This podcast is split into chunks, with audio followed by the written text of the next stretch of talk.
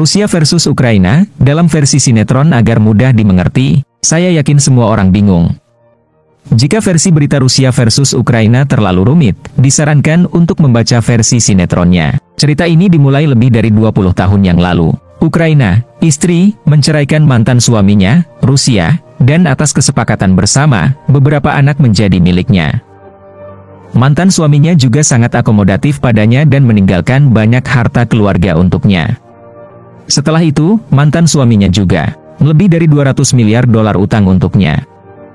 Setelah menyingkirkan mantan suaminya, Ukraina mulai bergaul dengan para begundal dan mulai tergoda oleh seorang kepala preman, as, dan sekelompok anak buah preman tersebut, NATO, sampai dia benar-benar dalam pelukan mereka. Sang mantan suami tidak peduli terhadap kelakuan mantan istrinya, tapi sikap sang mantan suami mulai berubah karena merasa terganggu ketika para preman tersebut mulai memanfaatkan mantan istrinya untuk mengancam dan berniat mengkerdilkan dirinya serta merebut hartanya di desa tersebut. Sang mantan suami mulai marah dan sebagai peringatan pada mantan istrinya, dia mengambil kembali salah seorang anak mereka, Crimea.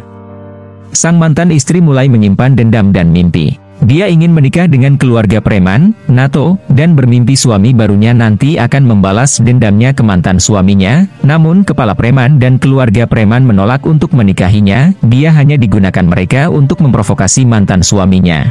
Melihat kelakuan ibu mereka YG semakin melunjak, dua anak mereka, Donetsk dan Luhansk, ingin keluar dari rumah ibunya, tidak mau lagi tinggal bersama ibunya.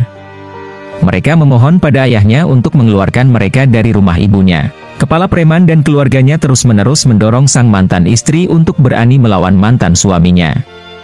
Sebagai tanda dukungan, mereka terus mengirim senjata-senjata usang dan amunisi kadaluarsa, YG sudah tidak mereka pakai lagi, agar sang mantan istri memiliki keberanian untuk bertengkar dengan mantan suaminya. Mereka juga memberi janji akan membelanya dalam pertikaian ini. Karena terus-menerus diprovokasi, sang mantan suami akhirnya bertindak mengambil kembali dua anaknya Yegi memohon untuk dibebaskan dari rumah ibunya, Donetsk dan Luhansk. Sang mantan istri mengira ia mempunyai backing Yegi kuat, namun ternyata ketika sang mantan suami sudah benar-benar murka dan menyerang, para preman justru bersembunyi, hanya berkoar-koar. Mencaci sang mantan suami dan mengajak seisi desa memusuhi sang mantan suami. Netizen Weibo memposting penjelasan tentang hubungan antara Rusia, Ukraina, Amerika Serikat, DLL ini dengan sinetron drama etika keluarga.